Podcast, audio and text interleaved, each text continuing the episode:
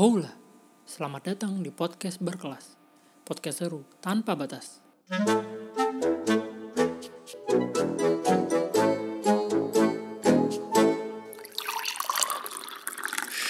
Udah, dengerin dulu aja. Oke, balik lagi bersama podcast berkelas bersama gue Noval di sini.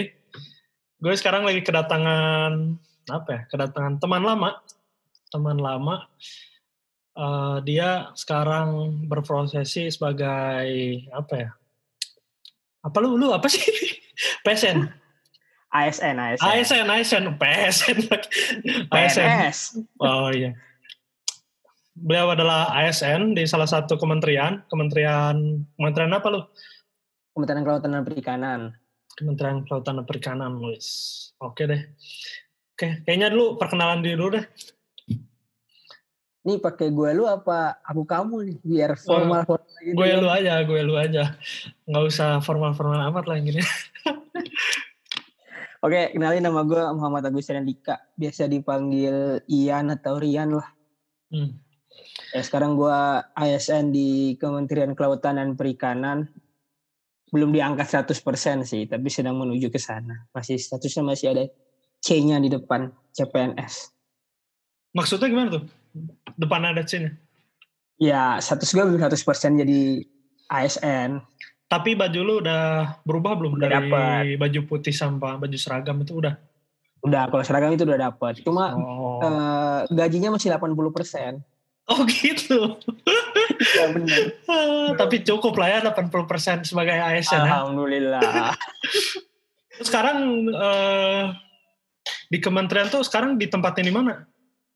Oh iya, gue di Direktorat Pengelolaan Ruang Laut, Hmm. tepatnya di UPT BPSPL Pontianak, dan gue di, dilempar lagi ke cabangnya di Wilker Balikpapan. Oh, tapi kalau dia apa eh, pusatnya kementerian ini tetap di Jakarta tapi Itu kementerian untuk Jakarta. tetap Jakarta ya. Oh, Oke. Iya, jadi Wah. BPSPL Pontianak tuh kayak ini loh, kayak apa namanya? Kantor perpanjangan tangan dari direktorat gue cuma di wilayah kerja di Sekalimantan. Hmm, gitu.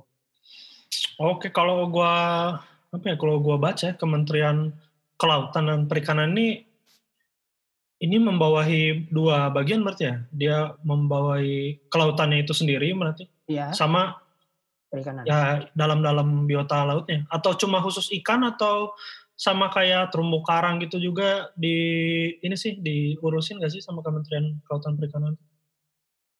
Oh iya, jadi kan kayak nomenklaturnya dia kan, penamanya dia kan kelautan dan perikanan ya. Jadi secara garis besar emang bener kata lu ada dua ada dua bidang besar. Nah untuk direktorat gue ini khususnya lebih ke arah kelautannya ya. Hmm, Jadi ke pengelolaan kelautan secara umum gitu. Dan itu termasuk di dalamnya juga jenis-jenis ikan di dalamnya gitu. Soalnya kan dari eh, pengertiannya perikanan itu ikan itu sendiri kan sebenarnya kayak kalau dalam Kementerian Kelautan Perikanan tuh ikan tuh bukan hanya sekedar ikan yang kita tahu yang kayak ikan tuna atau sebagainya cuma kayak hewan-hewan yang hidup di la- yang punya apa ya ya hidup lah hidup kayak hid- hidup di laut gitu atau hidup di perairan itu bisa disebut dengan ikan oh. Tapi kalau yang kayak, di kayak apa ya? gitu-gitu. di danau gitu bukan kelautan kan atau tetap di bawah kelautan juga? Ah, itu Nah. masih masih termasuk ke dalam kelautan juga. Soalnya kayak ikan-ikan air tawar pun masih masuk kan. Oke. Kayak arwana, terus kayak ada beberapa eh tahu lumba-lumba air tawar kan kayak pesut. Tahu-tahu bang.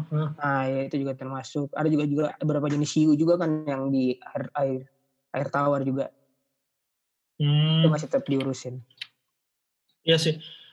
Gue menarik sih soalnya gue ngelihatnya dari kata kelautannya disangka nggak ngurusin kayak sungai gitu atau danau enggak ternyata diurusin juga ya dari Kementerian Diurusin juga. Kelautan Soalnya Perikanan ya. kayak secara apa ya? Secara secara biologis juga kan secara ekologi juga itu laut tuh nggak bisa berdiri sendiri gitu tanpa ada sungai atau danau gitu kan. oh Kayak- oh. Laut kan muara dari sungai itu sendiri. Jadi kayak secara ekologi itu pasti ada sangkut pautnya gitu ya sangkut pautnya gitu. kayak gitu. Oke. Tapi ngomong-ngomong nih, lu kan apa ya, kita udah temenan lama. Gua tahu background lu di bidang teknik kelautan ya. Teknik Oh, iya. kelautan. Cuman kalau di bahasa Inggrisin tuh offshore engineering sebenarnya teknik bangunan lepas pantai mungkin yang lebih cocoknya. Iya benar. Bukan benar. teknik kelautan ya. Gimana sih lu relate nggak sih sama pekerjaan lu? Apa ada yang support nggak dari mata kuliah untuk pekerjaan sekarang? Waduh, kalau kita ngomongin masalah relate atau enggak, sebenarnya tergantung dari gimana kita ngelihatnya ya. Jadi gini, kalau teknisnya kita ngelihat dari mata kuliah ya, sebenarnya nggak nggak banyak-banyak banget yang bisa kepake sih dari teknik eh, mata kuliah gue. Cuma eh, ketika gue udah kuliah di teknik lautan dulu itu sedikit banyak tuh bisa apa ya ningkatin exposure gue tentang kelautan itu sendiri. Hmm. Jadi kayak kelautan itu nggak hanya sekedar kita ngomongin nelayan atau ngomongin ikan atau kalau di kuliah gue kan tentang bangunan lepas pantai juga tapi kan kayak di situ kan kita juga belajar seputar gimana lingkungan laut eh, terus gimana tuh apa namanya kayak oceanografi itu sendiri berlaku di di laut gitu sendiri kan kayak Hmm. gimana itu arus gelombang segala macam itu juga sebenarnya sedikit banyak membantu gua buat apa ya bisa Hmm. terjun ke tertarik untuk masuk ke eh, di bagian kelautan perikanan sendiri yang ya ini yang, yang merupakan sebuah apa ya regulator kan ya Ya, Kalau regulator. regulator ya Kementerian regulator. ah. iya Oh jadi lu apa ya triggernya mungkin ya gara-gara iya laut-laut ke trigger mulu gitu dari dulu jadi lu Mm-mm. nggak lu merasa itu masih ruang lingkup aman lu gitu ya maksudnya oh Masih- ini masih- masih, masih- masih. termasuk ruang yang pernah gua pelajari dulu gitu tapi beda banget nggak sih cara menangani apa ya soalnya kalau kuliah lu kan teknik ya. Maksudnya lu nanganin benda mati gitu. Yang Ya, mati-mati. engineering ya, engineering, engineering, kan? Iya, engineering. hitung hitung hitung ya. Sekarang lu nanganin makhluk hidup gitu.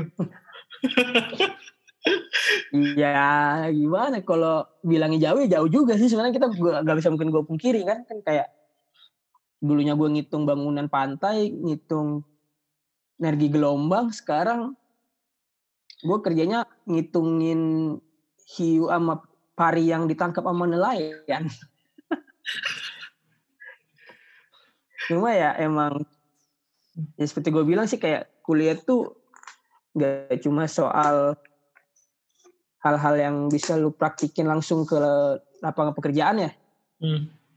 harusnya lebih dari itu sih bisa gue dapet jadi makanya gue ke sini kayak gue jujur aja titik apa ya titik poin kenapa gue ngerasa ini masih relate tuh ketika pas gue ikut kegiatan di fakultas kalau nggak salah dari diajakin BMFTK tuh buat kegiatan semacam kayak penyu, eh, bukan penyuluhan ya kayak pemberian Hmm. bantuan gitu ya pemberian bantuan yang FTK Island tau gak sih lu? yang ke ini nggak sih Sumeneb bukan Iya ke daerah Sumeneb itu. Jadi kayak ngasih ban, eh, ngasih bantuan ke masyarakat yang di pulau-pulau kecil gitu. Hmm. Terus gue ikutan penanaman karang karena sebelumnya gue udah punya sertifikat selam kan. Jadi Hmm. di situ kayak gue ngerasa wah orang-orang kayak gini yang perlu gue bantu nih Hmm. ke depannya nih. Tapi Bukan ya- berarti gue nggak nggak nggak suka sama engineering, gue juga tetap suka sebenarnya pada dasarnya karena emang gue suka ngitung jadi gue masuk teknik kelautan gitu. Hmm. Tapi kalau apa ya, lu bercita-cita memang pas dulu lu kuliah, terus eh, oke deh gue mau bakal mau masuk ke ke regulator gitu, ke kementerian. Itu emang cita-cita lu atau ya lu cuma nyoba-nyoba doang gitu? awalnya bukan jadi cita-cita sih gue cuma coba-coba juga sih sebenarnya kayak ya du, kayak kayak lu abis lulus kerja eh lulus kuliah kan nggak mungkin pilih-pilih kerja ya kayak setiap ada kesempatan Lu selalu masukin dicoba dulu. sih Iya, iya. Iya kayak sebelum ini kan gue lu tau sendiri gue juga daftar di perusahaan tambang udah keterima juga Hmm. terus gue juga daftar engineering di beberapa perusahaan ya yang kebetulan alhamdulillah yang keterima ini salah satunya ini juga nih di jadi ASN ini ya ya awalnya gue coba aja dulu lah gimana sih rasanya jadi ASN terutama ASN pusat gitu kan. Meskipun ya background keluarga juga emang ada sih yang ASN Hmm. cuma ASN di daerah gitu. Tapi eh apa ya? Emang kalau kita mau masuk ke bidang kementerian, ah, bukan bidang kementerian apa, bekerja di kementerian itu background lu walaupun gak relate tuh masih bisa masuk. Bisa sih Atau harusnya kalau misalkan gua nih, misalkan gua ngambil desain grafis gitu, tiba-tiba kementerian eh kelautan dan perikanan itu mungkin gak sih atau gimana? mungkin aja kalau selama ada ada, formasi yang dibutuhkan ya. Oh Jadi jadi kan- gimana Iya. gimana di sananya butuh apa juga gitu? ya? Iya, jadi kan gue daftar ini kan juga ada ininya ya, ada kriteria-kriteria harus dipenuhi gitu. Hmm. Jabatan gue sebagai pengelola ekosistem laut dan pesisir kan di situ pada saat itu gue daftar itu kan barengan sama te- eh, ilmu kelautan, terus PWK, geografi, geodesi atau geomatika itu juga termasuk di dalamnya, oceanografi. Kalau di jabatan itu mereka butuh kriteria seperti itu, berarti kan emang seharusnya relate lah ya sama pekerjaan yang dibutuhkan itu. Hmm. Ya sih, benar-benar. Tapi eh, dari kementeriannya sendiri apa sih yang apa ya? Apa sih kriteria khusus nih dari personal orangnya nih, personal orang yang dilihat yang dilihat. Mungkin kalau dari Hmm. kriteria dia background udah cocok lu misalkan eh, lu kelautan oke ada relate-nya. Tapi dari personal orangnya apakah dia harus apa ya menggambarkan dia pro pemerintah banget atau gimana sih sebenarnya kalau lu mau pengen masuk ke dunia di kementerian gitu Sebenarnya kalau lu nanya kayak gini jangan nanya ke gua sih. itu juga jadi pertanyaan gue juga pas kenapa gue bisa lulus keterima gitu. Enggak, oh ini Sebenarnya itu pertanyaannya yang emang harusnya lu. ke, ke SDM. Cuma kayak pendapat gue sendiri pas gue kemarin daftar ini dan nyoba dan akhirnya lulus tuh ada hal-hal yang tanpa gue sadari tuh kayak oh inilah bisa bikin gue lulus gitu. Contohnya salah satunya gini. gue akuin kemarin pas tes kan PNS tuh ada SKD, SKB gitu-gitu kan ya hmm, tesnya. Nilai gue tuh nggak seberapa sebenarnya dibandingkan teman-teman yang lain. oh ya denger denger teman lu lebih tinggi juga ya nilai tes yang lebih tinggi, banyak. Cuma ya gue gue ngerasa kenapa gue bisa lulus tuh mungkin ada beberapa faktor seperti kayak gimana gue bisa meyakinkan si wawancara gue pada saat itu Hmm, kalau gue emang tertarik sama dunia kelautan dan perikanan. hmm, Mungkin itu sih yang cuma dicari sama atasan gue pada saat itu ya. Yang wawancarai gue saat itu. Soalnya kayak eh, orang pintar tuh kan banyak. Tapi kayak untuk untuk kerja di KKP menurut gue tuh gak hanya sekedar butuh pintar aja gitu. hmm, Lu harus harus benar-benar apa yang nunjukin kalau emang lu itu interest sama kelautan dan perikanan lu mau berkontribusi di dalam ini kelautan perikanan. Meskipun ini gue ngomongnya klise banget gak sih? Tapi itu ya secara nggak sadar gue gua iniin yang gue gua rasain. Hmm. tapi perlu nggak sih kayak apa ya? kayak gitu. Kalau kalau gue lihat ya misalkan kalau lu mau kerja di pemerintahan lu harus secara nggak langsung lu sikapnya adalah sikap yang sangat diplomatis dalam ngomong gitu. Atau eh, dalam bersikap lu cenderung tidak langsung menyerang gitu. Tapi lu lebih apa ya lebih terbuka lebih mengayomi gitu. Karena lu akan menjadi figur di pemerintahan atau lu akan bagian dari pemerintahan supaya eh, apa ya supaya ya kan lu servis lah ya ke masyarakat soalnya kan. Kalau sikap kayak gitu sih itu emang mau gak mau itu dituntut sih ya Hmm, sikap kayak gitu yang kata lu seperti tadi yang mengayomi nggak ngomongnya gimana sih bang kayak nggak nggak apa ya nggak nggak menyerang apa apa ya? Kalau ngomong tuh diplomatis sih lo- diplomatis sih. Ya di McDonald's gitu kayak sebenarnya itu dituntut cuma itu balik lagi ke masing-masing ya. Hmm, karena tiap orang kan beda-beda juga nih. Dan kalau menurut gua itu butuh atau enggak kebalik lagi sih kayak soalnya gue ngerasa sendiri di kantor juga nggak semua orang kayak gitu gitu. Oh, Nggak semua orang Iya. berbicara seperti itu dan selama dia tujuannya itu emang buat kontribusi dan selama itu tujuannya itu emang buat kerja yang baik ya gak ada masalah sih kalau gue. hmm. Iya sih. Oke, balik lagi nih ke kerjaan lo. Hmm. Gue denger-denger kan tadi apa yang ngurusin penyelundupan ya, penyelundupan ikan. Kalau penyelundupan sih enggak juga sih enggak enggak enggak spesifikasi penyelundupan. Hmm, Simpelnya ya konservasi lah, konservasi ya. Hmm. konservasi jenis sama kawasan. Kalau corona gini, ada keuntungannya nggak sih di Kementerian Kelautan dan Perikanan? Kan kalau di di lingkungan kita lihat lebih apa ya, lebih bersih, lebih Hmm. polusi turun. Terus gue lihat dengar-dengar di berita eh, tiba-tiba ikan yang nggak ada di apa ya, di Venesia ya, yang di mana tuh tiba-tiba ada ikan di, Di perairannya. ya. Heeh. Kalau di Iya di sungainya, ya. Hmm. di sungainya. Kalau di Indonesia sendiri, apakah gitu juga nggak sih? Makin banyak gitu ikan-ikannya karena mungkin pergerakan transportasi lautnya juga makin sedikit gitu. Itu mungkin aja sih, mungkin mungkin banget, mungkin banget itu. Tapi kalau masalah itunya gimana, kondisinya sekarang gimana, gue juga jujur aja gue nggak tahu karena gue kebanyakan di rumah aja nih, nggak turun ke lapangan juga. Tapi kerasa kalau emang ada penelitian seperti itu untuk mencari tahu dampak COVID ke lingkungan sih harusnya secara logika ya harusnya makin membaik ya lingkungan ya. Itu juga terlihat kok gimana kayak di Jakarta ada berita yang langit Jakarta makin bersih kan ya Hmm. kayak gitu. Terus tadi kan kata lu kan gimana dampaknya terhadap Kementerian Kelautan dan Perikanan kan ya? Hmm. Ini dampaknya ini dampak ke pekerjaan gua atau gimana nih? Soalnya kan kayak lu dampak yang maksud tuh banyak itu luas gitu. Bisa aja ke dampak ke masyarakat nelayan atau gimana. Dampak ke pekerjaan dulu sih. Pekerjaan lu. Kalau kalau dari gua sendiri jujur aja gara-gara Covid ini gua gak bisa banyak gerak sih soalnya.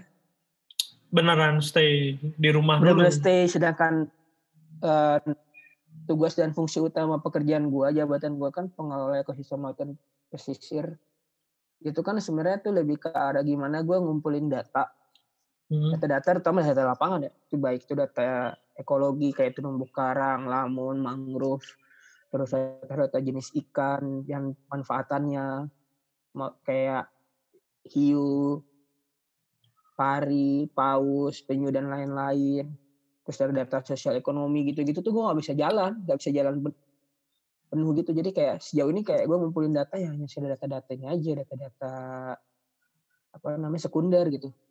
Hasil Oh, jurnal, jurnal nah kalau itu kan terbatas banget ya kayak gak Hmm. semua orang melakukan penelitian yang sama gitu kan terus juga waktunya biasanya kan waktu-waktu yang di masa lalu berapa tahun yang lalu sedangkan kita kadang butuh data-data yang istilahnya eh, aktual gitu kan terkini gitu kan yang ada di masyarakat Hmm. terus juga kayak yang gue cukup apa ya gue ngerasa sedikit ngerasa bersalah ini kayak eh, gara-gara covid pun juga pemotongan dana ya pemotongan dana segala macam bikin harusnya ada pemberian bantuan kepada masyarakat gitu belum terlaksana sih. Hmm. itu sih yang gue rasain banget. Jadi kayak ya jujur aja gue kan kerjanya meskipun gue PNS di kantor tapi pekerjaan utama gue tetap di lapangan itu sebenarnya. Hmm. cuma ya itu gara-gara ini jadi ya kerja di rumah aja.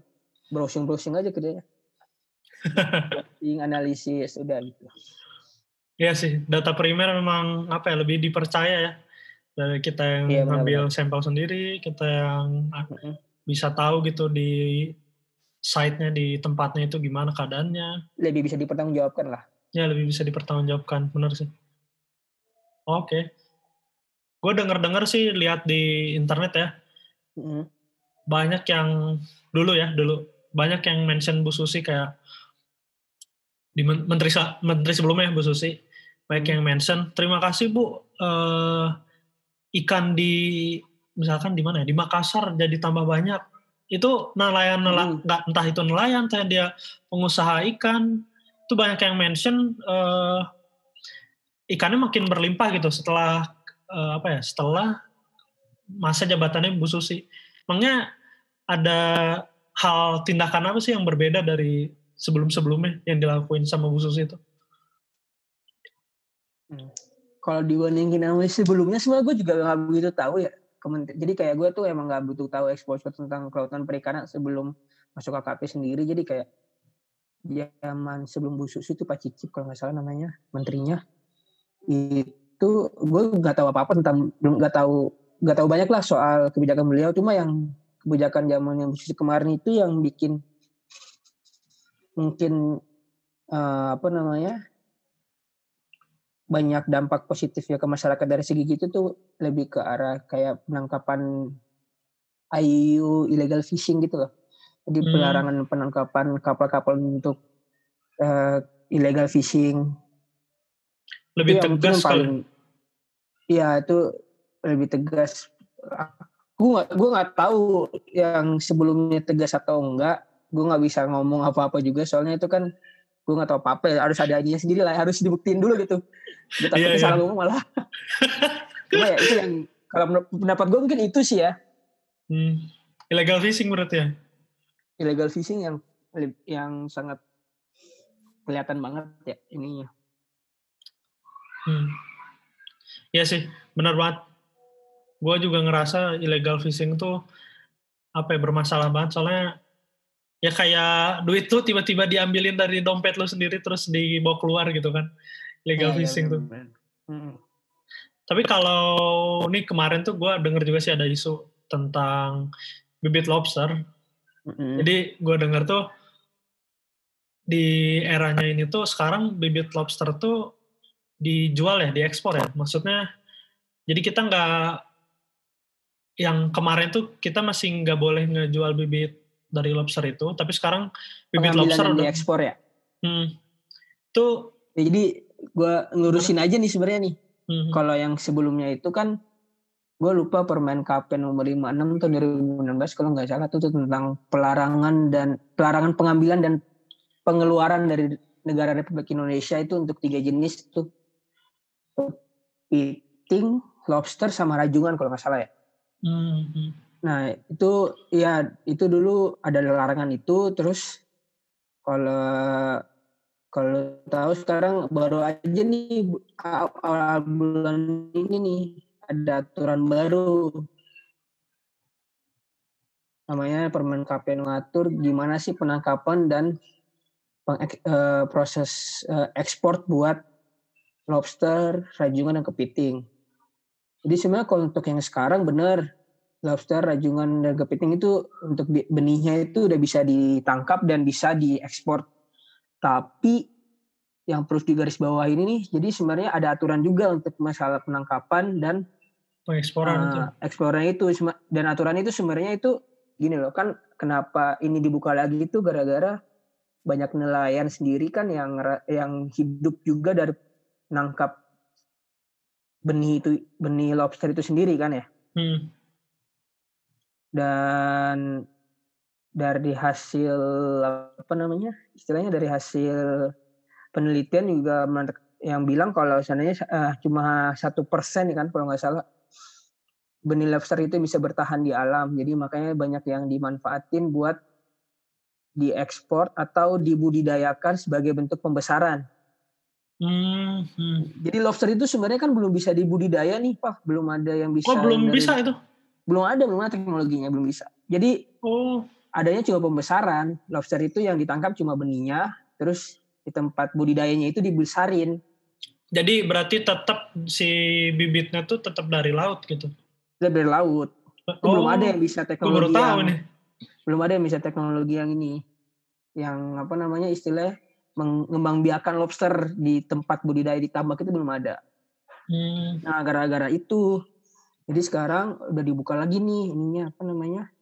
eh, buat ngambil sama ngeekspor tapi yang diambil pun sebenarnya ada aturannya ada kayak ada kuota Terus selain kuota itu juga kayak ada apa ya?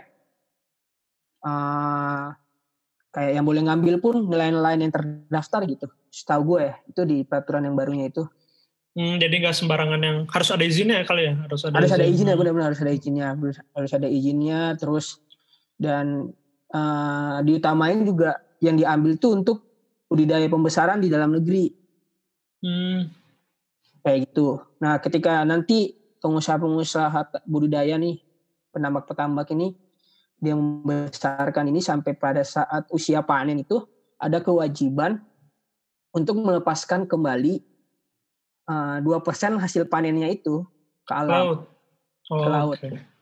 Dan itu pun benar-benar sampai diaturnya sampai benar-benar kayak ketika lu nangkap di pantai contoh di pantai pantai, pantai Kapuk di pantai Kapuk gitu nangkap di pantai Kapuk berarti nantinya harus dilepasin di situ lagi hmm, jadi di mana diambil dilepasin di situ juga gitu ya iya dua persen jadi kayak ada uh, ada ininya lah ya ada keberlanjutannya lah di situ hmm.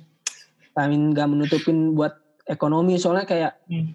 ya kayak kita yang perlu gue kasih tahu juga kayak ini pak. Soalnya kayak paradigma konservasi itu kan kalau lu dengar kata konservasi berarti lu dengarnya apa? Yang dalam pikiran lu apa? Konservasi konservasi perlindungan kan ya? Iya gue melindungi sih. Jadi uh, yang asalnya kita boleh ngambil sumber daya di dalamnya. Kalau ini versi gue sih asalnya kita boleh ngambil secara bebas oleh masyarakat umum maksudnya. Kalau konservasi itu berarti hanya aparat atau apalah bagian dari pemerintah saja gitu yang boleh melakukan uh, segala sesuatu terhadap oh, si enggak. lingkungan itu. Bukan ya? Bukan. Jadi kalau konservasi sebenarnya ada tiga kata nih yang, yang harus diubah itu ada ya benar kata lu ada perlindungan di situ. Terus ada pelestarian. Hmm. dan juga yang terakhir ada pemanfaatan itu nggak bisa dilepasin. Hmm. soalnya kita tujuan dari KKP sendiri ya kenapa lakukan konservasi ya sebenarnya untuk ujung-ujungnya ujung-ujungnya ya buat ekonomi masyarakat buat kesejahteraan masyarakat juga. Tapi masyarakat sendiri kalau di wilayah atau lingkungan konservasi itu boleh juga Ar maksudnya? Maksudnya boleh, boleh ikut uh, kayak ikut ngambil ikut bantu malah, atau malah justru sebenarnya konservasinya sekarang ini sebisa mungkin kalau dari uh, kita di KKP ya, yang pandangan gue ya sejauh ini tuh kayak kita selalu melibatkan masyarakat dalam konservasi soalnya kayak contoh nih ya ada konservasi di wilayah kayak, kayak gue kan ada nih berarti ada di Derawan hmm. contoh ada, ada konservasi di Derawan hmm. kan gue nggak mungkin dong tiap hari ke Derawan hmm. buat ngurus konservasi di sana jadi jadi kita harus melibatin masyarakat pal karena masyarakat kan setiap hari yang ada di situ di sekitar situ dia yang tahu dengan jelas kondisi-kondisi di lingkungan itu gitu hmm. di kawasan konservasi itu gitu. Jadi kayak mereka yang bisa ngejaga, bisa mereka yang harusnya ikut mengelola gitu. Soalnya ya dampak positifnya konservasi itu sendiri nanti kan ujung-ujungnya ke mereka juga, bukan bukan gua-gua yang makan gitu. Kayak gitu. Jadi kayak ya itulah makanya kalau kita ngomongin yang tadi ben, yang benih lobster itu ya gak, gak semuanya tentang pelarangan tapi juga harus ada pemanfaatannya juga ya tapi dalam hal ini pemanfaatannya bertanggung jawab gitu hmm. oke okay. ya sih benar benar oke okay. kalau lu sendiri ini gue gue pertanyaan iseng aja sih pertanyaan hmm. iseng lu kan sebagai ASN di Kementerian Kelautan Perikanan lu dapat hmm. diskon gak sih kalau beli ikan di pasar atau apalah gitu maksudnya apa sih keuntungannya sih uh, lu menjadi oh. kementerian di kementerian gitu apa sih keuntungannya karena kalau gue tahu ya di teman gue di perhubungan kementerian perhubungan dia hmm. bisa beli tiket uh, entah itu transportasi apa pun ya di bawah kementerian perhubungan secara nggak usah ngantri gitu jadi walaupun misalkan nih kereta Bandung Jakarta penuh hmm. Hari Jumat biasanya pada penuh banget kan dari Jakarta tuh pada mau mudik lagi ke Bandung atau gimana full tapi kalau dia yang beli gitu tiba-tiba kereta api itu buka slot ada ada okay. ada ada keuntungan di situ gitu maksudnya yang ya itu bukan untuk dimanfaatkan secara tidak benar gitu cuman hmm. lah lu dapat kelonggaran dan benefit yang plus gitu ya dari dari jabatan di situ. Kalau di kementerian lu Oh. gimana? Kalau gue nggak tahu ya gue jarang beli ikan di pasar sih gue beli ikan gue warung soalnya.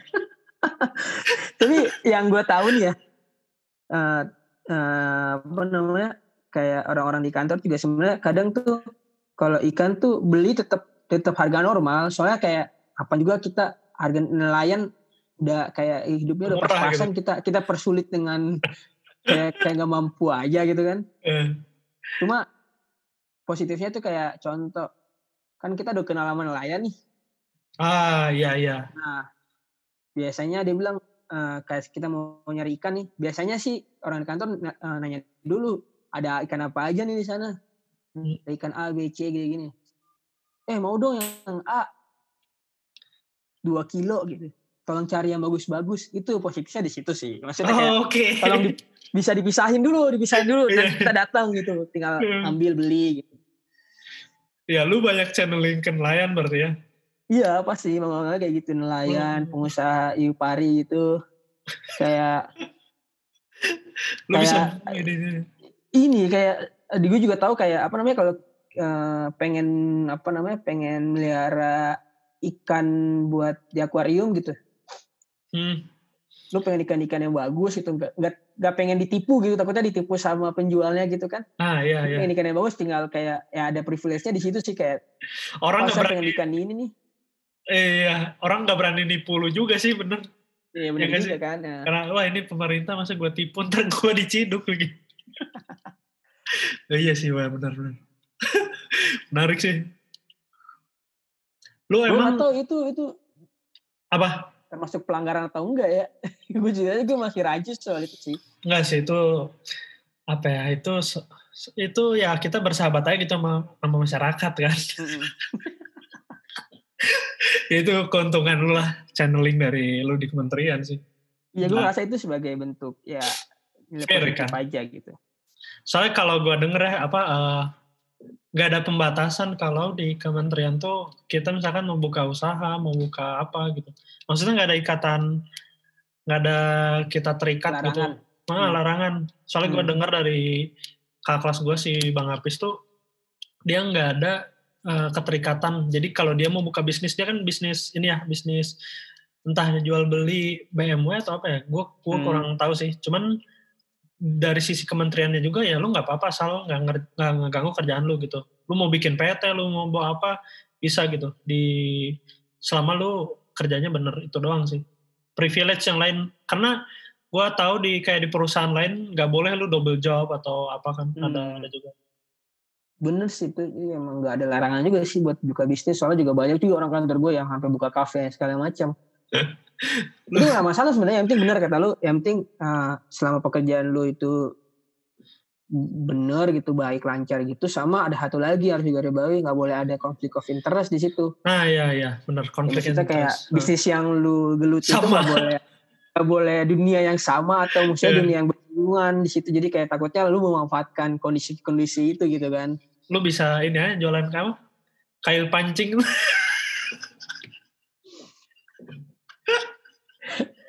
yang masalah nih kalau contoh gue kayak gini malah gue bisnisin bisnis ikan arwana gitu kan nggak boleh iya iya. Lu tahu arwana yang bagus di mana, lu tahu harga murah iya sih. nggak boleh nggak boleh kayak gitu Oke, ini ngomong-ngomong soal pekerjaan lu nih. Gue sering lihat di internet bahwa ada dua tipe eh, apa ya, tipe orang dalam mau bekerja gitu. Hmm. Dia ingin menjadi seorang spesialis gitu di bidangnya dia khusus gitu, spesialis. Hmm. Dia ingin menjadi peneliti lobster di mana gitu kan? Atau lu Hmm. pengen menjadi seorang generalis gitu. Yang di mana lu Hmm. ya lu nggak usah belajar terlalu spesifik tapi lu tahu semua, lu bisa ngatur orang-orang di bawah lu gitu. Lu pengen jadi orang yang mana sih sebenarnya kalau dalam pekerjaan ini? Hmm. jadi kan jabatan gue itu kan jabatan fungsional ya Hmm, hmm, benar. bukan struktural gitu. Jadi kalau fungsional itu kayak tugas fungsi gue itu sebenarnya udah spesifik sih, spesifik banget. Ya. Tolak tolak ukurnya udah spesifik dan kita kerja itu biasanya kayak punya punya ini apa namanya punya ini sendiri gitu jalan career. sendiri bu ya PKD sendiri dibandingkan yang struktural. Hmm. Kalau kalau namanya fungsional berarti harusnya gue jadi seorang yang Spesialis. eh, spesialis gitu kan, yang expert di satu bidang gitu kan. Seharusnya seperti itu. Cuma mumpung karena gue ini masih baru dan gue ngerasa di sini tuh gue set- setahun terakhir gue masih belajar dan gue masih belum cukup banget. Gue pengen belajar terus eh, buat tahu tentang kelautan dan perikanan ini sendiri itu kayak masih banyak hal yang gue nggak tahu sama sekali. Gue sebenarnya sebenarnya ini gue selama ini jadi generalis dulu gitu sih. Jadi kayak gue nggak kemungkinan untuk mempelajari hal-hal baru gitu. Hmm. Jadi walaupun lu ditempatin di suatu bidang ya di fungsional ini, lu tetap pengen belajar yang lain juga. ya? Selama itu ranahnya Iya. masih di Kementerian Kelautan Iya Perikanan. benar. Iya benar. Sejauh ini sih masih gitu sih. Tapi gak menutup kemungkinan suatu saat ketika gue udah menemukan, wah ini nih yang paling bikin gue interest nih, ini bikin bikin gue seneng nih Hmm. satu bidang ya, gue bakal, gue yakin sih suatu saat gue bakal ngegelutin itu sih, maksudnya nge expertin ke di- ke bagian situ sih, Hmm. spesialisin. Berarti lu sekarang masih apa ya? Bisa dibilang masa pencarian. ya? Kalau kalau benar benar benar. gua lagi- kita lagi nyari-nyari gitu. Kita lagi seneng apa sih? Pengen serius di mana sih? Iya benar. Ingin menjadi ingin nge-branding diri itu sebagai siapa sih gitu ya? Iya benar benar benar. Kayak ini soalnya hal yang sangat baru banget sih maksudnya ke dunia kelautan perikanan bagi gue gitu. Hmm. Apa sih yang menjadi apa ya? Menjadi kesukaan lu di lingkungan kementerian tuh? Apa ya? Maksudnya lu senengkah di sana? Apa yang lu senengi? Alhamdulillah sih so far gue happy happy banget ya di sini di kantor. Ya di sisi eh, terutama kalau gue punya kesempatan kayak gue kan emang orangnya suka banget ke tempat-tempat baru gitu ya.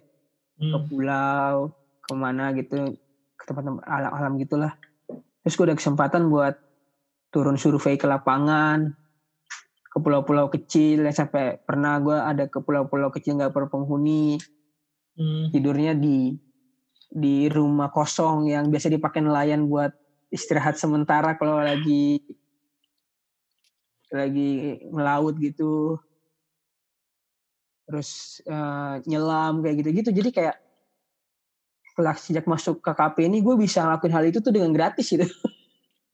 Ah, ya karena itu kan bagian dari pekerjaan gue kan. lu digaji juga gitu.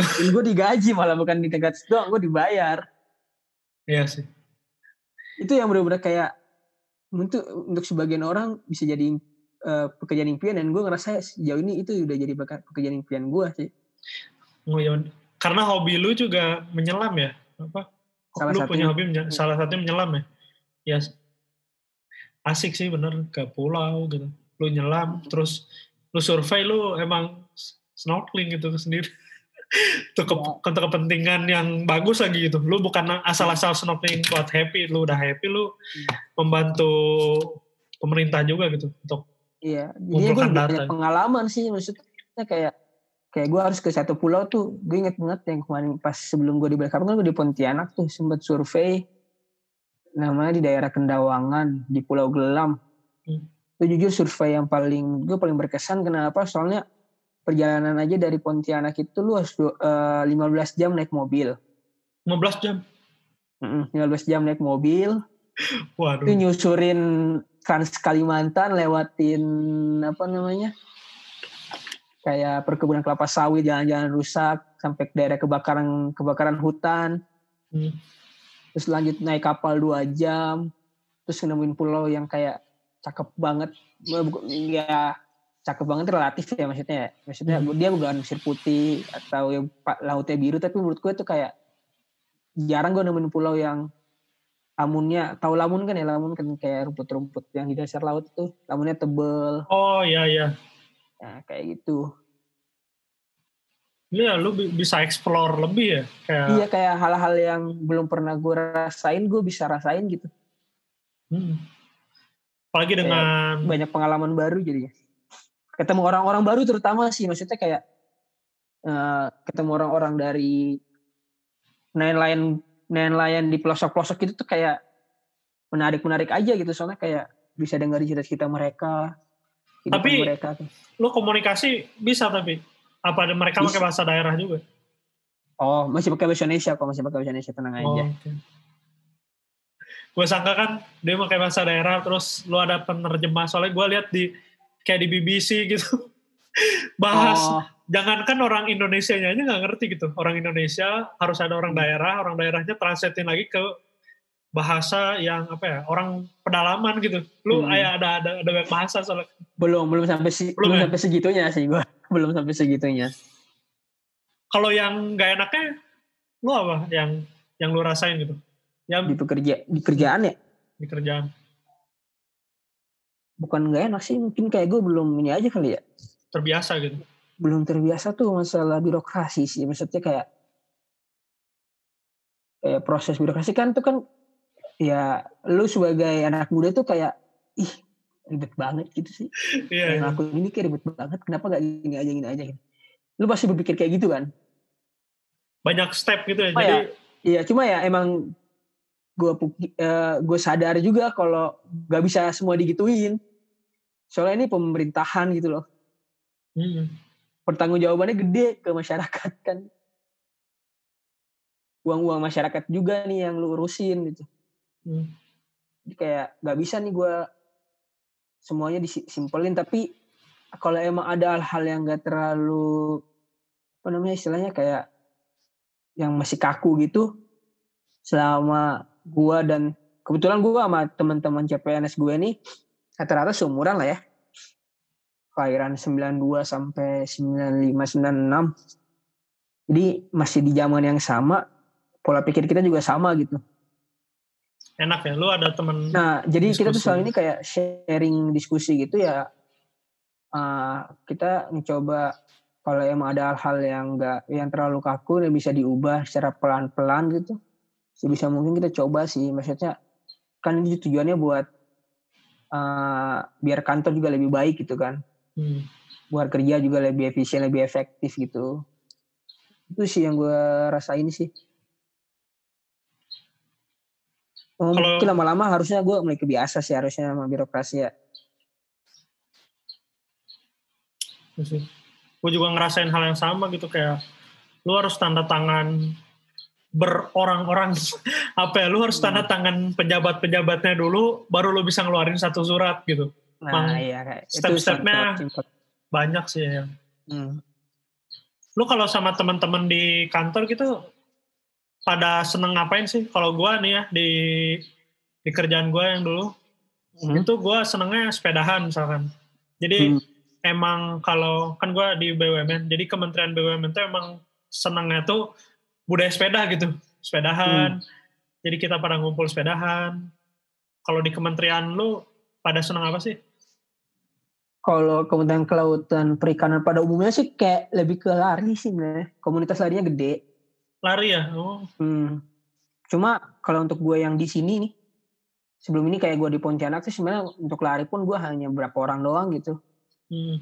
Yang suka lari. Tapi kalau gue tuh kemarin tuh sama teman-teman CPNS gue tuh banyak banyakin renang. Renang? Hmm, pas di Pontianak kemarin tuh seminggu seminggu sekali, seminggu dua kali tuh bisa renang tuh. Kalau juga itu tuntutan sih. Sebenarnya kayak gara-gara teman gue tuh banyak yang nggak belum bisa renang kan.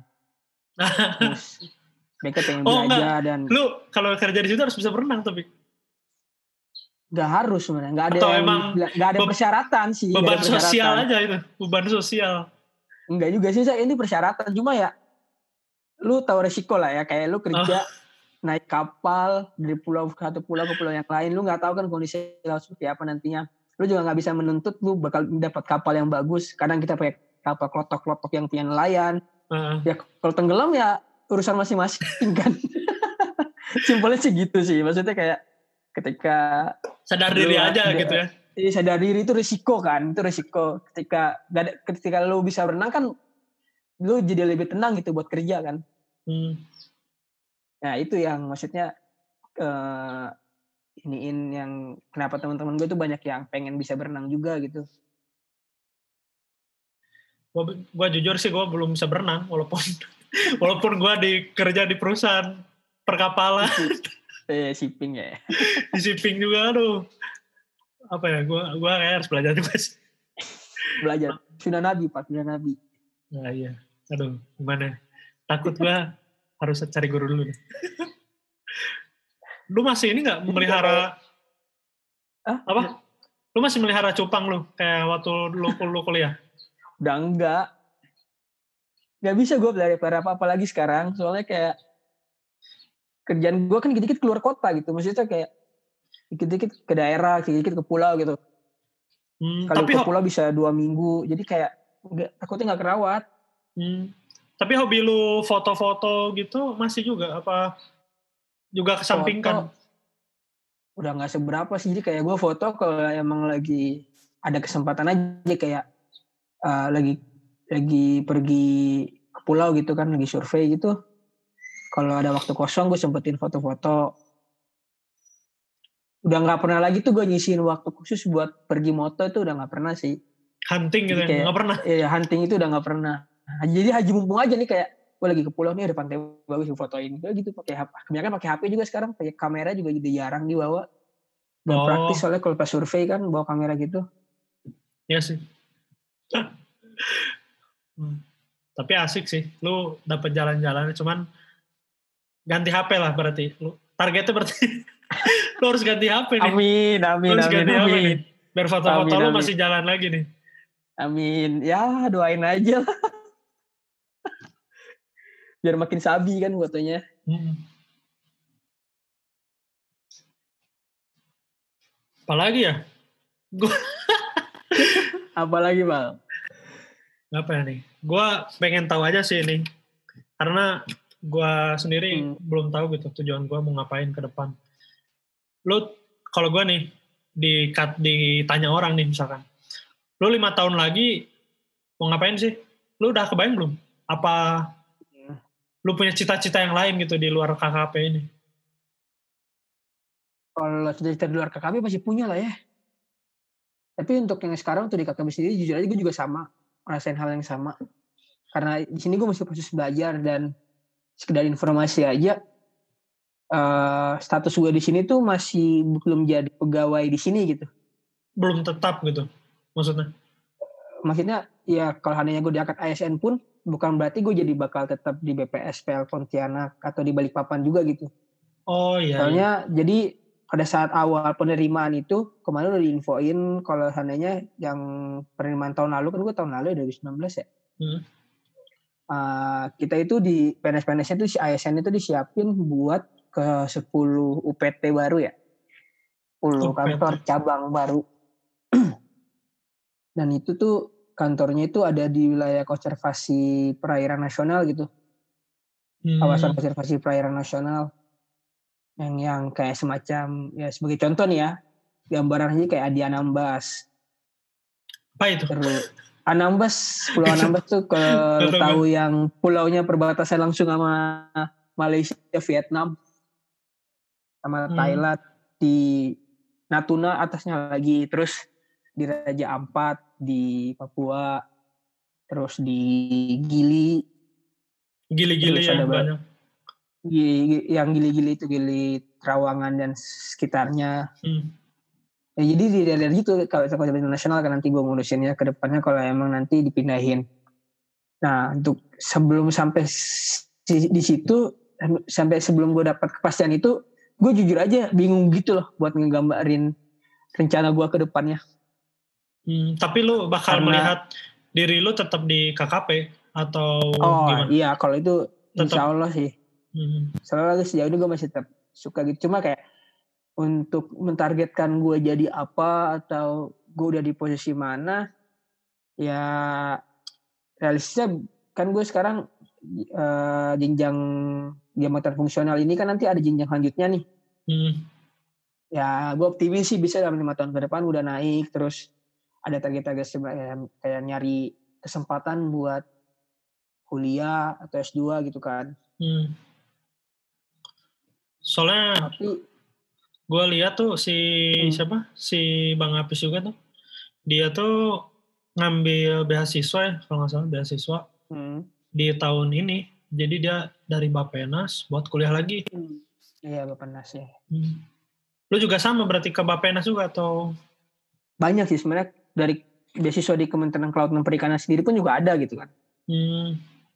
Ada juga eh, beasiswa Bappenas terus ya banyak lah beasiswa lain itu nanti tinggal baik lagi kan gue juga masih kayak yang tadi gue bilang sebelumnya gue kan belum belum tahu nih gue bakal spesialisasinya ke mana gitu kan Hmm. expertin ke mana jadi dengan berjalan waktu gue nanti bakal mutusin juga sih nyoba ke bidang apa yang bakal gue dalamin gitu Hmm. Berarti lu nunggu dulu lu pengennya apa, baru lu Hmm. nanti ambil S2 biar sesuai apa lo yang lu inginin gitu ya. Oh iya. Menarik sih. Karena gue ngerasa masih belum settle gara-gara itu belum ada kepastian gitu kayak masih digantungkan dengan posisi gue gue bakal di mana nih?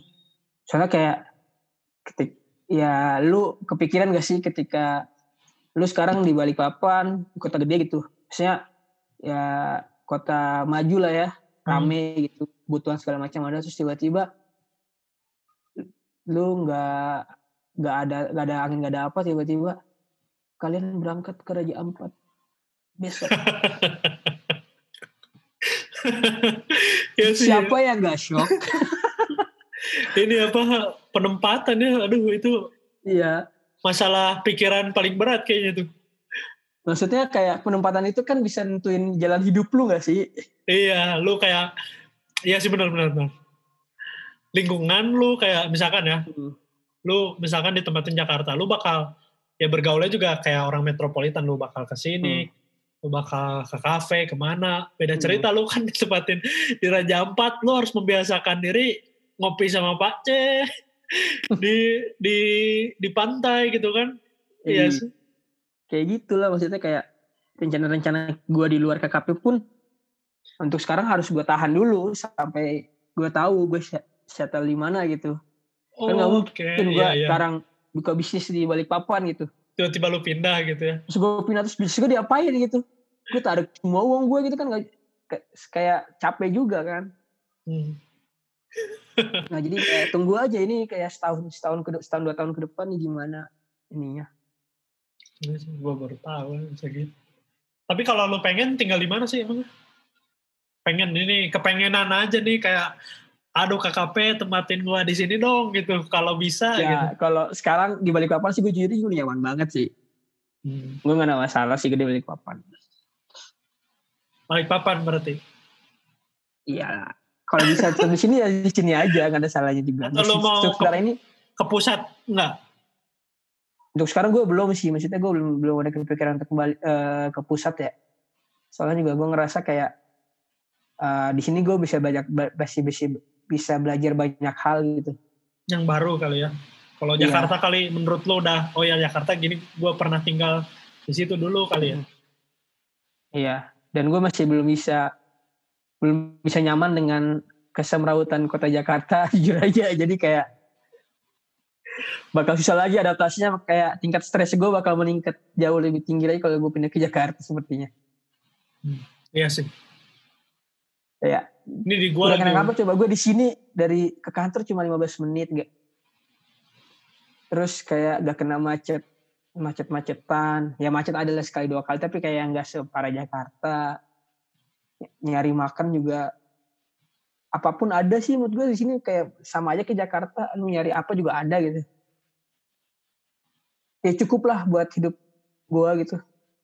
Untuk hidup saat ini cukup lah ya. Iya. Lo ada cita-cita nggak jadi influencer? Nggak ini gue pertanyaan ya biasanya milenial punya cita-cita lain gitu Hmm. di sosmed di mana soalnya ya karir ya oke lah karir gitu Hmm. tapi biasanya mereka pengen kembangin di digital juga sih biasa digital Hmm, punya ini ya maksudnya uh, ada di luar karir yang pengen lu capai gitu kan ya Hmm. selain bisnis ya selain bisnis maksud gue tuh bukan bukan pure lu pengen buka buat apa gitu. Tapi untuk gue pengen buat komunitas nih atau lu apa hmm. sebenarnya itu balik lagi ke bisnis yang gue pengen sih. Jadi kayak uh, kan gue uh, selain di KKP gue juga punya eh, pengen bikin bisnis. Sebenarnya nggak beda-beda jauh dari KKP juga sih sebenarnya. Apa Suatu saat gue pengen pengen punya dive center oh ya ya eh, sekolah diving kalau bisa sampai jadi dive resort kan alhamdulillah gitu ya. Dan di situ tuh gue punya cita-cita lain tuh kayak gue bisa memperdayakan orang-orang lokal. Hmm. orang lokal gue jadi kayak gue rencananya bikinnya di kampung sih di Ternate sih. Oh di, di daerah gue gitu di, Ternate atau di Maluku Utara lah istilahnya gitu. Jadi gue bisa memperdayakan orang-orang lokal. Jadi kayak orang lokal yang karena gue tahu orang-orang di sana tuh banyak yang suka nyelam-nyelam juga snorkeling gitu. Tapi kayak ya sekedar nyelam-nyelam aja gitu. Kenapa nggak bisa dimanfaatkan jadiin duit? Ya aja. Jadi gue gue bisa memberdayakan ekonomi mereka gitu kan. Hmm. itu sih kayak gue bisa bikin komunitas selam di Ternate yang sekarang tuh udah ada sih sebenarnya. Jadi bikin besar gitu tuh gimana gue bisa berkontribusi lebih sih lebih kan lebih enak kan hmm. itu sih yang gue pengen sih. Kalau jadi influencer Uh, enggak juga sih sebenarnya. Kayak gue ngerasa gak kurang pede gue sebenarnya. Kurang pede ngevlogging atau gimana. Jujur aja lu ngajakin ginian gue deg-degan sumpah. Santai kali. Gue takut didengerin banyak orang loh. Ya kita sebarkan lah seluas-luasnya ini bahaya loh. Gue tak salah ngomong pak. Enggak, enggak aman gue aman. Gue gak pede sih jadi kayak ya gue paling cuma ya itulah di Instagram cuma hasil postingan ketemu pantai apa hmm. ketemu pemandangan apa gue posting. Jadi kayak dari lewat foto doang gue sejauh ini enaknya. Hmm. kayak gitu sih ya sih. Apalagi ya? Lu menarik sih. Gue pengen sejujurnya ini ya, gue juga emang masih bingung gitu. Hmm. Makanya apa ya, kayak mau gue mau seriusin di mana, pengen ya banyak targetnya lah. Kayak dalam sisi cari uang tuh mau di mana misalkan? Atau belajar pengen di mana, tinggal pengen di mana, itu kan kayaknya masalah umum ya di usia-usia segini. Iya. Untuk kita gitu lu punya tips nggak kayak cara cara apa ya cara lu menanggulangi hal itu semua jujur gue kepikiran banget kayak pagi corona kayak sekarang kan ini beneran hmm. nih bakal soalnya kan dampaknya bakal lama ya denger dengar gue hmm.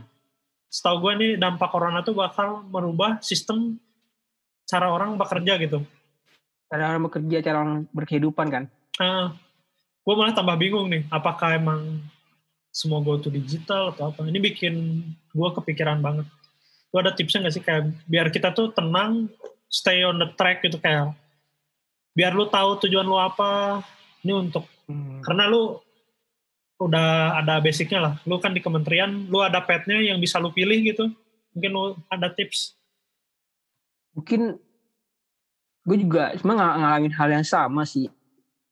Dan ya mungkin itu privilege ya kalau di kementerian kan jenjang karir lu jelas ya. Hmm. ini sih segini gitu. Kalau seandainya lu bisa lebih cepat berarti itu alhamdulillah bonus hasil dari kinerja lu juga kan. Kalau untuk gue sendiri eh, biar nggak terlalu khawatir tuh jangan terlalu dipikirin pak. Maksudnya gini loh. Maksudnya gini. Iya iya.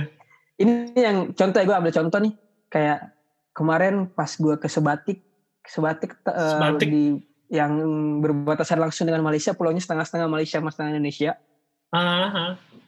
Gue harus ke sana buat apa namanya istilahnya, buat turun ke lapangan, ngecek uh, sarana prasarana yang ada, kondisi sarana prasarana buat uh, jadi kayak ini lapangan lah, uh, survei ke lapangan buat ngecek kondisi di sana lah kayak gimana, hmm. sarana prasarana di kawasan konservasi mangrove.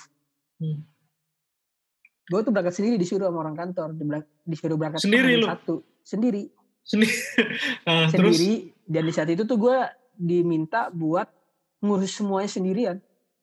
Ngurus dari semua pen- sendirian. Ya, maksudnya kayak dari perjalanan lu, lu harus siapin sendiri, lu beli tiket sendiri, lu nyari sendiri. Jadi sistemnya Oh. reimburse kemarin. Jadi kayak pakai duit sendiri dulu gitu. Ketemu orang siapa di sana, bagaimana lu cara nyampe ke mangrove di sana, lu hubungin orang-orang di sana sendiri gitu, semuanya sendiri. Hmm. Gue jujur aja, gue pertama kali ke Kalimantan Utara, langsung ke perbatasan, siapa yang gak grogi? Gue kayak, ah, gimana nih gue, bingung nih. Gue harus gimana, gue harus gimana. Itu yang gue rasain awal-awalnya.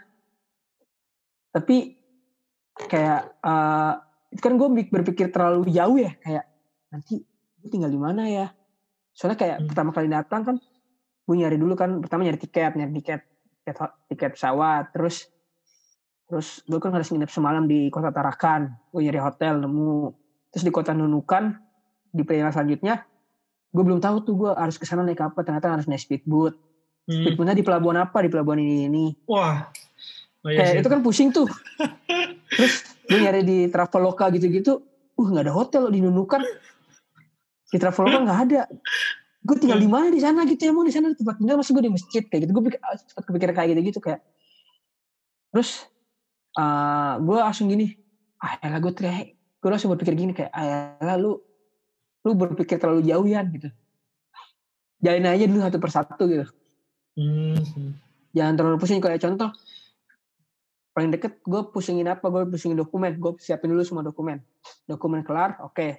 Sekarang tiket pesawat. Tiket pesawat udah aman, udah oke. Jadi step-stepnya aja lu pikirin dulu lah ya. Iya, Maksudnya maksudnya lu selesain dulu step per step ya. Iya, Nggak usah sampai- jangan, jangan berpikir terlalu banyak. Ketika lu, kalau gue berpikir gini sih, ketika lu ngelak, ngelak- berpikir banyak hal ya dalam satu waktu gitu, jadinya capek sendiri sih. capek sendiri, capek sendiri dan hasilnya pun jadi nggak maksimal gitu. Kayak contoh gue di hari pertama di kota Tarakan kemarin itu kayak kan gue ada pemeriksaan ke pengusaha hiu pari gitu kan Hmm. Pemeriksaan dokumen gitu dan fasilitas-fasilitas di tempatnya dia.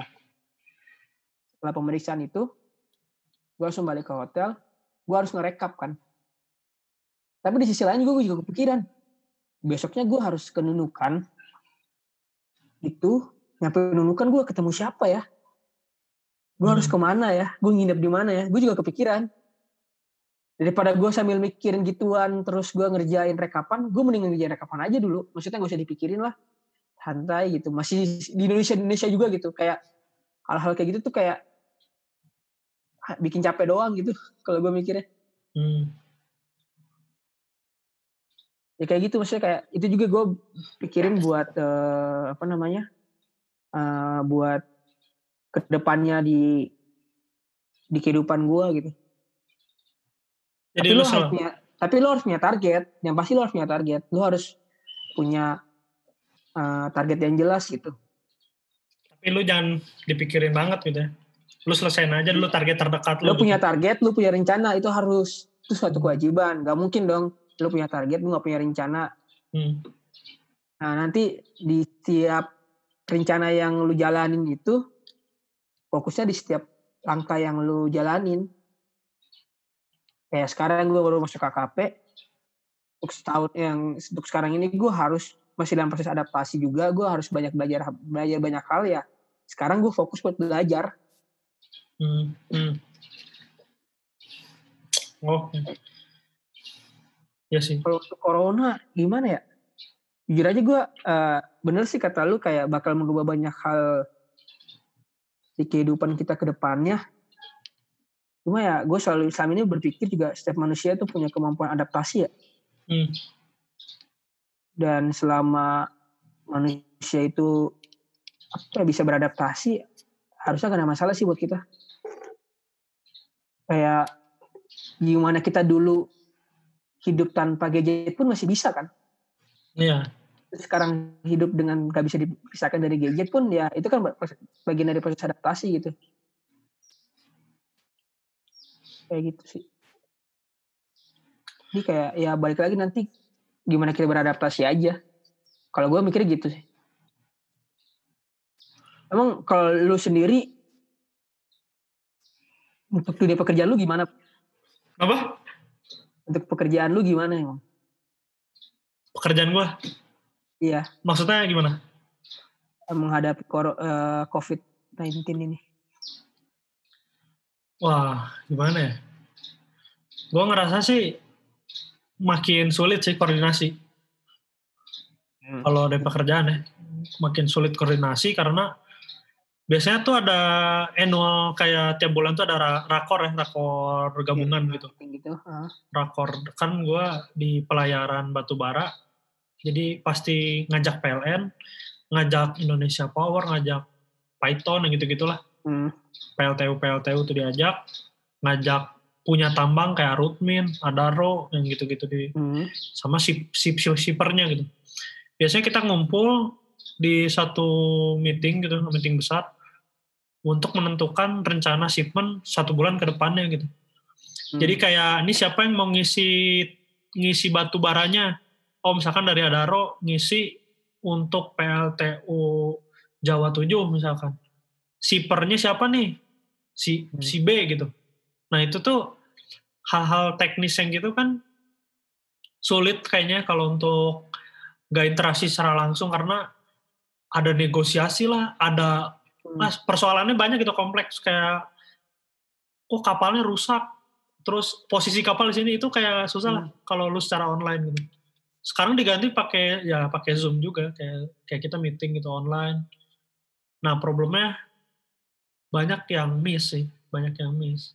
Yang akhirnya eh, entah itu delay ke PLTU, entah itu kayak misalkan nih tambang banjir juga kita nggak tahu tuh di Kalimantan kan sering sering hujan hmm. lagi hujan-hujannya dua hari tuh hujan-hujan terus ditambang tiba-tiba delay jadi banyak hal faktor yang mungkin kita harus terbiasa dulu sih ini lagi kayak proses pembiasaan dampaknya hmm. itu dampak operasional semua dampak ke kayak koordinasi itu paling paling utama sih koordinasi sih itu dampaknya ke delay sih jadi delay pekerjaan gue gitu sebenarnya kalau kantoran ya kantoran sih apa sih paling hmm, koordinasi doang. Cuman sama orang lapangan itu yang paling sulit. Apalagi krunya itu nggak boleh turun kan dulu ada peraturan kru yang gara-gara covid nih kru, kru nggak boleh ganti dan turun. Jadi hmm, kru iya. tetap stay di kapal, yang kerja di tambang tetap stay di tambang. hmm. itu tuh kayaknya kasihan sih stres sih orang-orang di sana jadinya dia stay tetap di sana yang harusnya dia tiba-tiba ke darat ya bayangin aja lu tinggal di kapal ber berbulan-bulan ya berbulan-bulan bosan lu pasti iya kecuali sih. lu di kapal pesiar yang ada bioskop tetap aja sih mewah-mewahnya hidup di kapal pesiar tetap aja pasti kan darat juga iya sih. Waduh menarik nih obrolan sekarang. Emang iya sih ya itu. Gue juga di kantor juga lagi dalam tahap buat adaptasi ke ke virtual semua. Virtual hmm. meeting gitu. Jadi semoga kayak aja sih. emang ya kayak biasa kita ikut rapat nih bertatap muka langsung gitu. Kita bisa fokus hmm. di awal-awal lu pasti rapat ikut rapat virtual meeting pasti jujur aja lu pusing banget gak sih buat fokus di dalam meetingnya ya kan? Hmm. Kayak ngelihat orang langsung sama ngeliat laptop berjam-jam itu kan pasti pusing gak sih lihat ngeliat, laptop berjam-jam gitu kan? Iya nggak ada feelnya sih nggak ada gak feel. ada feelnya iya benar-benar nggak ada feelnya. Meskipun lu lebih santai gitu pakai baju lebih santai. Iya di kamar di... sendiri tapi tetap aja mungkin itu juga kesantaian itu bikin lu jadi nggak ada feel buat kerja gitu itu bisa jadi sih. Nah itu soal kalau gue sendiri ya gue bentuk gue adaptasi untuk itu ya untuk sekarang ini uh, sebelum ini kayak contoh di kamar gue ini kan kayak uh, gak ada lampu tidur gitu kan hmm. gak ada karpet sebelumnya kayak gue ngerasa biasa aja. Tapi uh, soalnya emang gue dari awal emang gak terlalu suka sih kerja di kamar sendiri sebenarnya hmm. karena gue lebih nyaman kerja di kantor atau di kayak kafe gitu masih lebih baik lah terus gara-gara gue tuntutannya harus sekarang kerja di sini ya caranya gue biar nyaman ya gue bikin kamar gue senyaman mungkin juga kayak kayak kantor atau kayak kafe ngerti gak? Hmm, lu kayak apa ya beli beli barang lah beli buat iya beli nyaman. barang yang bisa ngebantu lo buat fokus itu loh. Hmm. Tapi gue jadi juga banyak-banyak banyak-banyak lu banyak-banyak banyak baca tentang ini deh kayak maksudnya kayak baca-baca artikel-artikel atau jurnal-jurnal seputar psikologi-psikologi dalam menjalani COVID ya. Gue ngerasa banyak kebantu sih di situ sih. Kayak Hmm. beberapa artikelnya, gue pernah baca artikel Tirto atau kayak eh, video wawancara Tirto ID gitu sama psikolog mengenai gimana sih kita sel- bisa berpikir positif selama COVID kayak gitu itu itu banyak ngebantu gue juga sih. hmm, Ini kan Bisa adaptasi lah ya. ya adaptasi psikologi ya bener. Bukan bu- lingkungan sih kan ini udah familiar ya. Kalau kayak rumah gitu udah familiar. Tapi psikologi ditekan berbulan-bulan. Di rumah Stay ber- ber- iya benar-benar.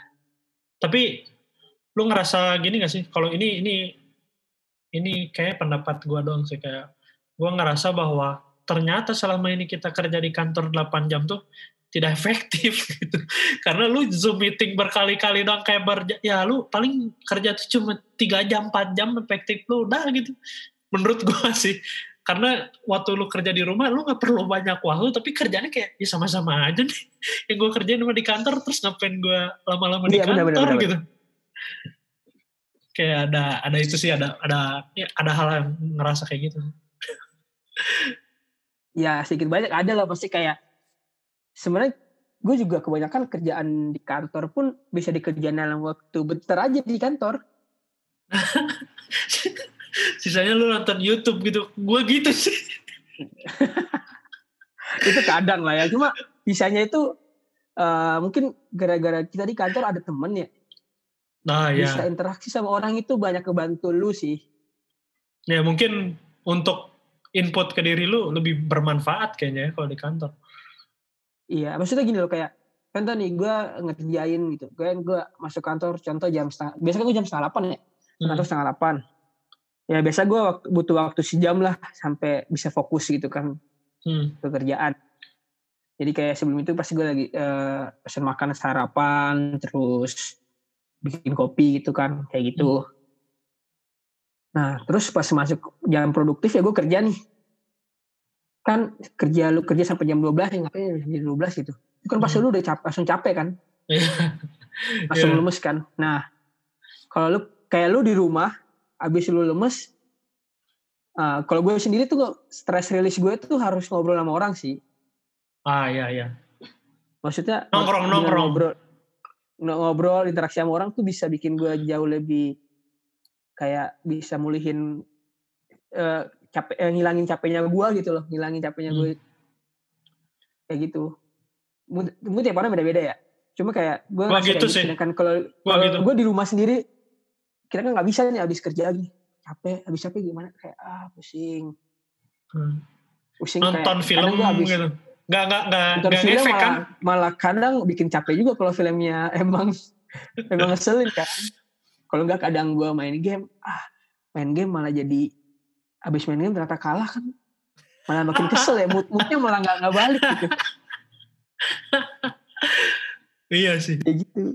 Gue juga tipe orang yang harus apa ya nongkrong sih kayak bukan ya ini cara secara bahasa gampangnya nongkrong sih. Jadi Hmm. lu udah apa udah stres atau apa ya lu nongkrong ngumpul sama teman-teman lu. Itu itu paling ngebantu gue itu sih Hmm. apalagi waktu kuliah dulu kan sama sih. Hmm. nonton tuh malah apa ya malah ya seneng sih seneng. Cuman kayak ya udah gitu.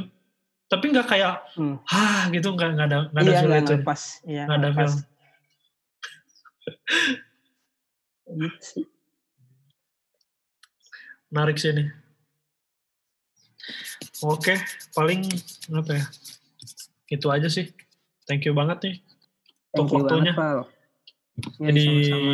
lebih tahu mengenai KKP soalnya gue lagi bikin coba bikin series kementerian sama si Alif gue ada saudara satu lagi dia kementerian sosial ya dia ngurusin penjara gitu kemarin kan perhubungan lu KKP besok kayaknya Hmm. kementerian sosial mau gue coba biar kita dapat sudut pandang tapi dari- kayaknya kalau dari gue gak terlalu banyak yang bisa didapat ya, Val.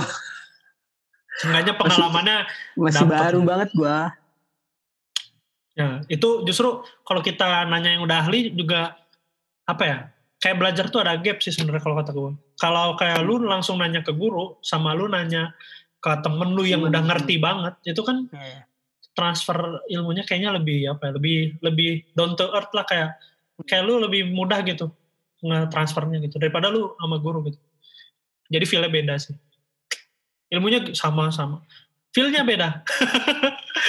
gitu Iya, aja sih. sih. Oke, thank you banget nih Mas Rian Thank you, atas Pak. waktunya. Oke. Terima kasih teman-teman yang udah dengerin. Eh, mungkin kita berjumpa lagi di podcast selanjutnya bersama gua Noval dan Gua Muhammad Agus Randika. ya balik lagi bersama podcast berkelas. Dah. Dah semuanya, thank you.